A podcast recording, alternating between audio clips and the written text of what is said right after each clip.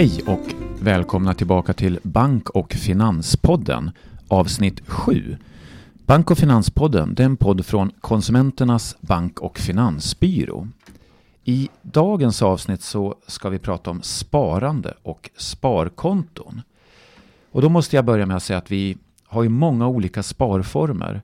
Man kan ha pengar på ett konto, ett lönekonto där lönen kommer in, ett sparkonto för lite längre sparande. Man kanske investerar i fonder, i aktier eller i andra värdepapper. Och någon kanske sparar genom att man investerar i konst eller i guld.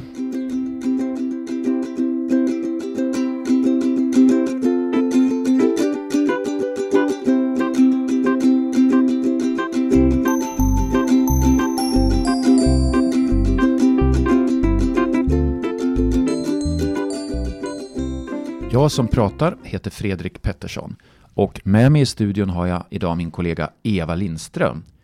Hej Eva! Hej Fredrik!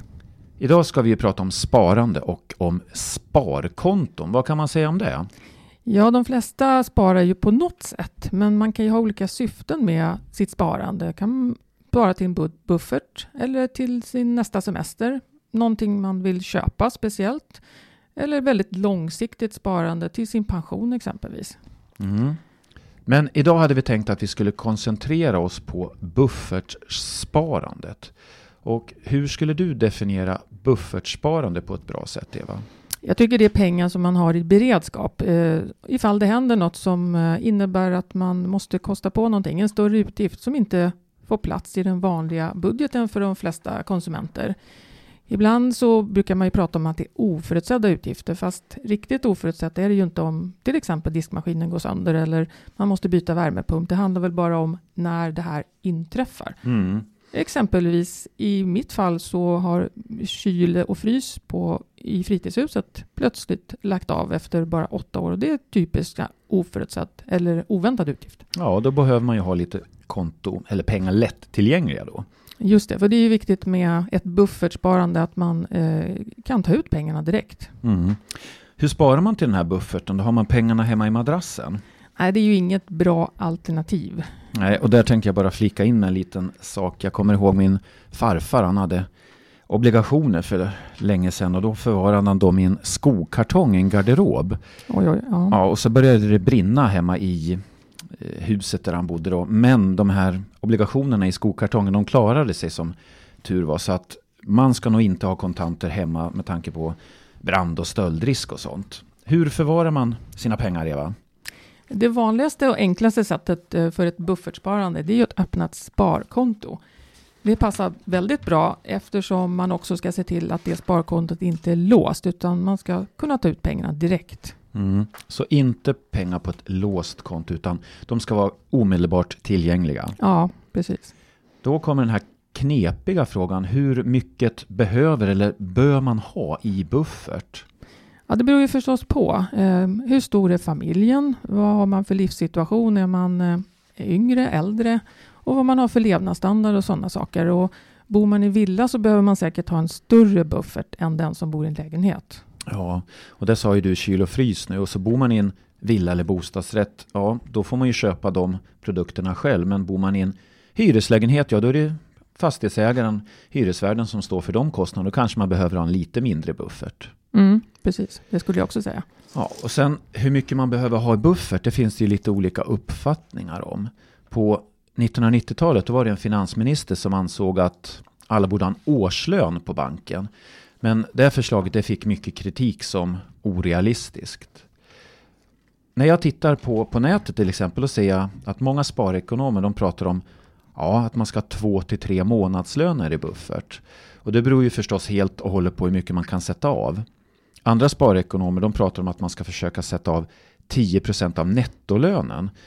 Och då kan man ju diskutera hur länge det här ska pågå. Ja, alltid eller fram tills man har de här två, tre månadslönerna i buffert? Jo, det finns ju mycket förslag och det som är lite oklart också för mig, det är om de säger aldrig om det här ska vara en årslön till exempel före skatt eller efter skatt, för det är rätt stor skillnad. Fast visst verkar det väl lämpligt att man pratar om buffert efter skatt, eller hur? Mm. Men visst är en bra målsättning, tycker jag, skulle kunna vara sådär en två, tre månadslöner som buffert och efter skatt då förstås.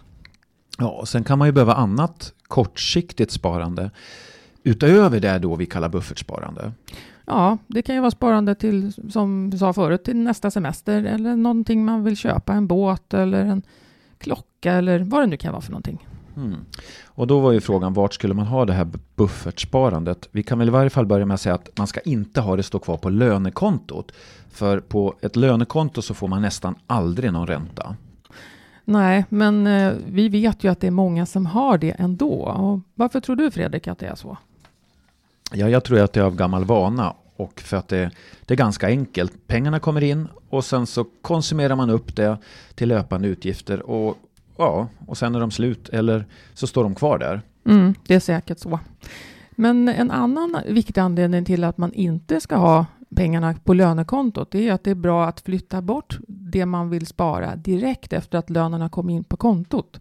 Det är mycket lättare att spara pengar som man aldrig ser än att vänta på att det ska bli en pott kvar i slutet på månaden. Ja, att flytta bort då direkt, det tycker jag är ett bra spartips. Mm. Men det här med var man ska ha sitt sparande. Många med mig, de har ju en stor bank och ett sparkonto där. Men där får man sällan någon ränta på sitt konto. Nej, och det tror jag också beror på att man gör som vanligt bara, eller man låter pengarna stå, fast man kanske också vet att det inte blir någon ränta, så ja, står pengarna ändå kvar. Mm. Och att pengarna ligger kvar på kontot som inte ger någon ränta, det beror väl också på att man inte känner till att det finns andra aktörer, mindre aktörer. Och då brukar man kanske prata om de här som nischbanker eller nischaktörer. Mm. Och då säger du nischaktörer och nischbanker. Det kanske inte vanliga konsumenter vet vad det är för någonting. Men vad menar vi när vi säger nischaktör då? Ja, nischaktörer det är ju mindre banker. Man kanske säger banker som egentligen har sin verksamhet helt och hållet på, på webben. Men det är också bolag som kallas för kreditmarknadsbolag. Och här är skillnaden att bankerna, de har ska man säga, ett fullskaligt sortiment. De har kort, de har betaltjänster, men kreditmarknadsbolagen de sysslar ofta bara med inlåning och utlåning. Mm, precis. Eh, men det som är viktigt att veta för, för den som är konsument och funderar på sitt sparande, det är att det är lika tryggt att spara hos ett kreditmarknadsbolag som hos en bank. De har bara lite olika verksamhet. Och båda de här eh, företagsalternativen eh, står under tillsyn av Finansinspektionen. Så att de står under tillsyn, både banker och kreditmarknadsbolag? Ja, det gör de. De flesta de kan enkelt öppna ett sparkonto med hyfsad ränta hos nischaktörer. Det finns faktiskt ganska många alternativ. Ja, visst gör det det. Men även de här nischaktörerna har väl inte så jättehöga räntor, eller hur Fredrik? Så en del kanske tycker att det inte spelar någon roll, att det är så låg ränta ändå. Ja, fast det blir en, en viss skillnad. Om, säg nu att man har, jag hittar på en jämn siffra, att man har 100 000 i sparbelopp. Då finns det nischaktörer som har sparkonton med upp till 0,75% ränta och helt fria uttag. Så det skulle bli 750 kronor då före skatt på ett år och det är ju bättre än att man har noll tycker jag. Mycket bättre. Och då måste vi ju passa på att tipsa om våran jämförelse över sparkonton, eller hur? Ja, och den hittar man som vanligt på vår hemsida www.konsumenternas.se och sen heter den sparkontojämförelse. Och den här jämförelsen är ganska omfattande och omfattar i, i dagsläget 117 stycken konton. Och då har vi gjort så att vi har delat in kontona i bundna konton. Det är konton med tidsgräns eller med någon form av uttagsrestriktioner. Och så finns det konton med helt fria uttag. Det innebär att du sätter in pengarna då och du kan ta ut dem imorgon. Men nu har jag hittat en aktör som jag tycker, ja, jag tror på det här namnet och jag vill öppna ett konto där. Hur gör jag då, Eva? Ja, det allra enklaste är att gå in på nätet på det här företagets webbplats och öppna konto där. Och då använder man ju oftast eh, BankID för att legitimera sig. Och det tar inte många minuter att öppna ett konto på det här sättet. Nej, det brukar vara väldigt, väldigt smidigt. Mm. Men om jag nu inte skulle ha BankID då, det är ju faktiskt en hel del personer som ringer till oss och pratar om det här utanförskapet. Hur går man tillväga då? Oftast så kan man öppna konto i alla fall, även om man inte har BankID. Och då får man ringa kundtjänsten, alltså bolagets kundtjänst och prata med dem. Och eh, ofta så går det att eh, göra det skriftligt. Då får man en blankett som man fyller i och så skickar man in den och så löser de det. Mm. Men det gör ju att det blir lite knepigare det här när man flyttar pengar från sin storbank till nischaktören. Så har man ett BankID, man går in i sin internetbank, man lägger upp kontonummer som mottagare och man flyttar pengarna. Vi pratade ju om att det finns olika slags bolag, banker och kreditmarknadsbolag. Många sådana nischaktörer har ju inga kontor. Så då får man ju kontakta dem via nätet eller telefonen. Men finns det någon annan skillnad mellan banker och kreditmarknadsbolag? Det kan se lite olika ut hur man gör för att eh, sätta in pengar eller ta ut pengar. Och hos vissa så får man ett kontonummer direkt som du kan sätta in pengarna på. Men hos andra så får du istället ett OCR-nummer som motsvarar ditt eh, sparkonto hos bolaget. Då går pengarna först via bolagets bankgiro och sen vidare till ditt sparkonto. Så det blir nästan som att man betalar en räkning? Ja, precis. Och vi kan ju säga då att det är ingen skillnad trygghetsmässigt eh, på vilket sätt man sätter in pengarna, om det är via bankgirot eller direkt på konto. Det, det är lika tryggt båda sätten. Mm. då när du säger lika tryggt där, då kommer vi in på den andra tryggheten. Varför ska man välja att spara hos ett bolag som antingen är bank eller kreditmarknadsbolag? Jo, det beror ju på att det finns insättningsgaranti och då kan väl du förklara Eva, vad innebär insättningsgarantin? Ja, det är en garanti att du får tillbaka dina sparpengar om banken eller kreditmarknadsbolaget skulle gå i konkurs eller få så dålig ekonomi så att eh, de inte kan betala ut dina pengar när du, när du vill ha dem helt enkelt. Mm. Vem är det som står för den här insättningsgarantin? Hur, hur fungerar det i praktiken? Det är eh, Riksgälden, alltså myndigheten Riksgälden, som har hand om insättningsgarantin. Eh, och alla banker och kreditmarknadsbolag som erbjuder sparkonton omfattas av insättningsgarantin. Och rent praktiskt fungerar det så att alla de här bolagen betalar premie till en fond som då Riksgälden har hand om.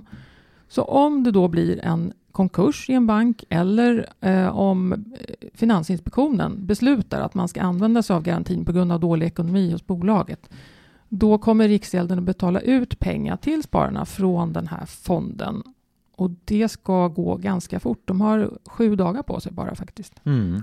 Och känner man sig lite osäker så kan man gå in på www.riksgälden.se och sen klickar man på insättningsgaranti, en flik där och då kan man söka på bolag och söker man då på en nischbank så kan man sen klicka i en ruta och då får man upp alla de konton som det bolaget har som omfattas av insättningsgarantin. Och det kan ju vara både brandade kort, det kan vara sparkonton och fasträntekonton. Så det kan vara, ja, vissa storbanker har kanske 50 olika konton som omfattas där.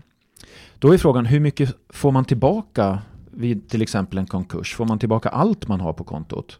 Ja, man får tillbaka det man har sparat plus den ränta som man eh, hade rätt att få fram till datumet då för att man använde sig av garantin. Men det finns ett tak, ett maxbelopp och det är 950 000 kronor. Ja, och sen har vi då ett tilläggsbelopp som kom till för något år sedan och det är så här att har man till exempel sålt en fastighet, det finns en uppräkning där vilka alternativ det är, men vi säger att man har sålt en fastighet, då gäller ett tilläggsbelopp på 5 miljoner kronor under en tidsperiod av 12 månader. Så det är som en extra trygghet där.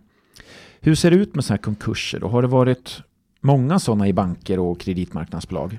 Det är ju som tur är väldigt sällsynt. Eh, det var ett ganska länge sedan här i Sverige, men under den tid som jag jobbat här på Bank och Finansbyrån, då gick en dansk bank i konkurs.